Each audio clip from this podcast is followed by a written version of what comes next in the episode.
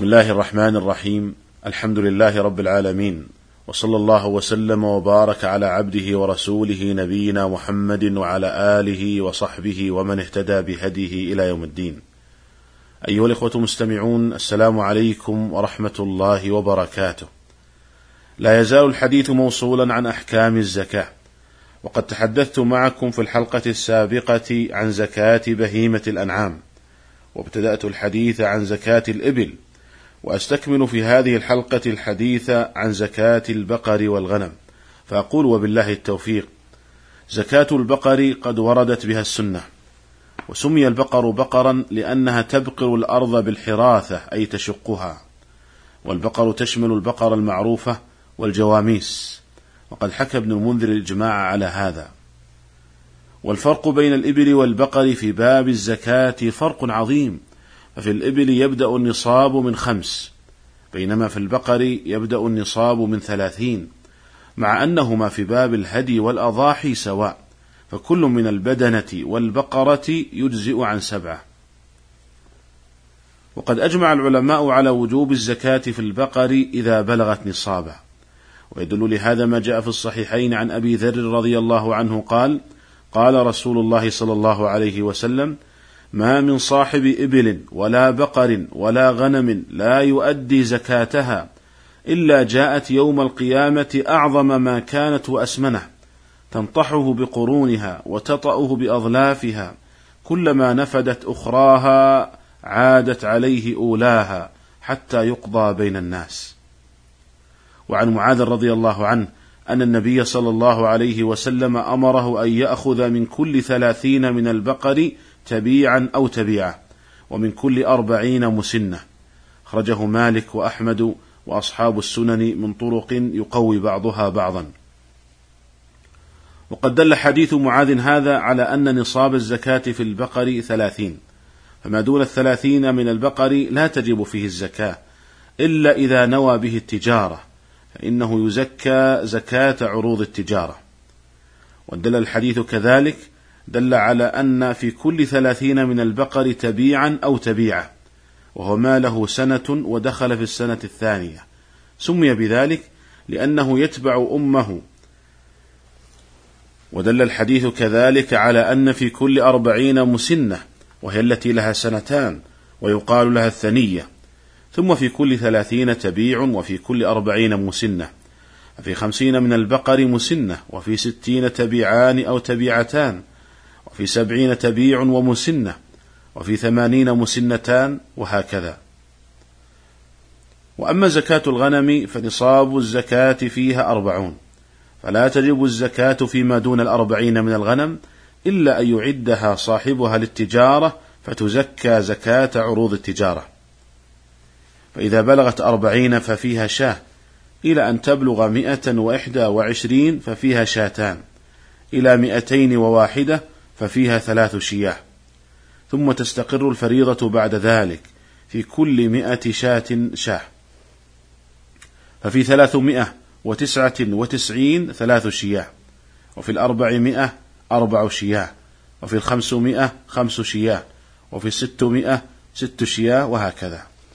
ويلاحظ أن الفرق ما بين مئتين وواحدة إلى ثلاثمائة وتسعة وتسع وتسعين مئة وثمان وتسعون وهو ما يسمى بالوقص وهذا أعلى وقص في زكاة بهيمة الأنعام ما بين مئتين وواحدة وثلاثمائة وتسع وتسعين. والأنثى في باب زكاة بهيمة الأنعام أفضل من الذكر لأن الأنثى يستفاد منها في النسل وفي اللبن ونحو ذلك بخلاف الذكر. لكن الذكر يجزئ عن الأنثى في ثلاثة مواضع. الأول في زكاة الإبل يجزئ ابن اللبون مكان بنت المخاض إذا لم يكن عنده بنت مخاض. الموضع الثاني في زكاة البقر يجزئ في ثلاثين من البقر تبيع مكان تبيعة. الموضع الثالث إذا كان النصاب كله ذكورا فيجزئ أن يخرج ذكرا. لأن الزكاة إنما تجب على سبيل المواساة ولا يكلف الإنسان أن يخرج شيئا ليس في ماله. وقد جاء في كتاب أبي بكر رضي الله عنه الذي كتبه لأنس ولا يخرج في الصدقة هرمة ولا ذات عوار ولا تيس إلا ما شاء المصدق. والهرمة الكبيرة التي سقطت أسنانها وذات العوار هي المعيبة. فلا تؤخذان في الزكاة لكونهما من رديء المال. وقد قال الله عز وجل ولا تيمموا الخبيث منه تنفقون أي لا تقصدوا الرديء من المال. وقوله ولا تيس قيل لا يؤخذ التيس لنقصه وفساد لحمه إلا أن يشاء المصدق بتخفيف الصاد أي الساعي بأن يكون جميع المال من جنسه ونحو ذلك. وقيل المراد بالتيس هنا فحل الغنم فلا يؤخذ في الزكاة إلا برضا صاحبه. وعلى هذا يكون قوله إلا أن يشاء المصدق بتشديد الصاد أي المالك. أي لا, أي لا يؤخذ التيس الذي هو فحل الغنم إلا برضا المالك لكونه يحتاج إليه. ففي أخذه بغير اختياره إضرار به. وهذا هو الأقرب في معنى الحديث. قال الحافظ ابن حجر رحمه الله اختلف في ضبط المصدق فالأكثر أنه بالتشديد المصدق والمراد المالك وهذا اختيار أبي عبيد. وتقدير الحديث لا تؤخذ هرمة ولا ذات عيب أصلا ولا يؤخذ التيس وهو فحل الغنم إلا برضا المالك لكونه يحتاج إليه. والواجب في إخراج الزكاة أن يخرج من وسط المال فلا تكون الزكاة من رديء المال كما سبق. ولا تكون كذلك من كرائم المال ونفيسه إلا أن يتبرع بها صاحب المال. لقول النبي صلى الله عليه وسلم لمعاذ لما بعثه إلى اليمن إياك وكرائم أموالهم. لكن إن تبرع رب المال بالنفيس والكريم من المال فذلك أعظم لأجره وثوابه عند الله عز وجل.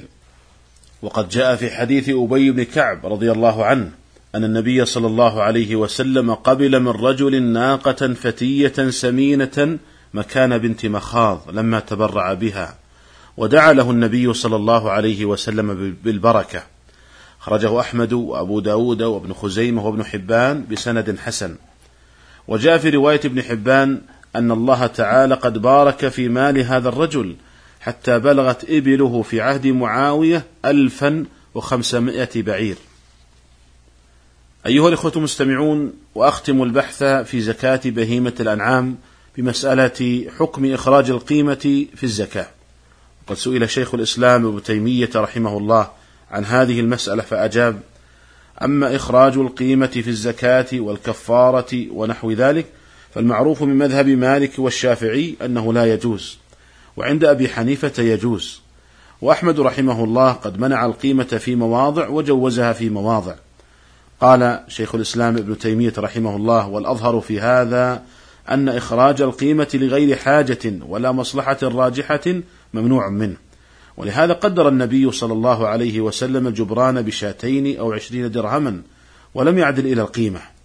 ولأنه متى جوز إخراج القيمة مطلقا فقد يعدل المالك إلى أنواع رديئة وقد يقع في التقويم ضرر أن الزكاة مبناها على المواساة. وهذا معتبر في قدر المال وجنسه. قال وأما إخراج القيمة للحاجة أو المصلحة فلا بأس به مثل أن يبيع ثمر بستانه أو زرعه بدراهم فهنا إخراج عشر الدراهم يجزئه. ولا يكلف أن يشتري ثمرا أو حنطة إذا كان قد ساوى الفقراء بنفسه وقد نص أحمد على جواز ذلك. ومثل أن يجب عليه شاة في خمس من الإبل. وليس عنده من يبيعه شاة. فإخراج القيمة هنا كاف. ولا يكلف السفر إلى مدينة أخرى ليشتري شاة. ومثل أن يكون مستحقون للزكاة طلبوا منه إعطاء القيمة لكونها أنفع فيعطيهم إياها. أو يرى الساعي أن أخذها أنفع للفقراء. أيها الأخوة المستمعون وقد أخذ بهذا الرأي الذي اختاره شيخ الإسلام ابن تيمية رحمه الله أخذ به مجلس هيئة كبار العلماء في المملكة العربية السعودية حيث جاء في قرار المجلس في دورته العشرين.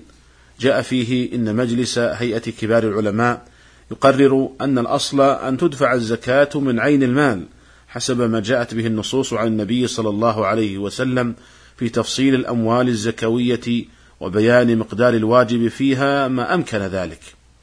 كما قرر المجلس جواز دفع القيمة في الزكاة إذا شق على المالك إخراجها من عين المال ولم يكن على الفقراء مضرة في ذلك.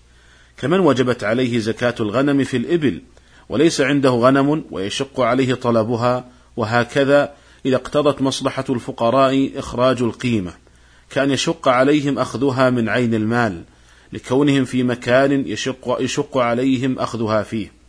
وكما لو باع الفلاح ثمرته كلها فإنه يجوز أن يعطي الزكاة من الثمن.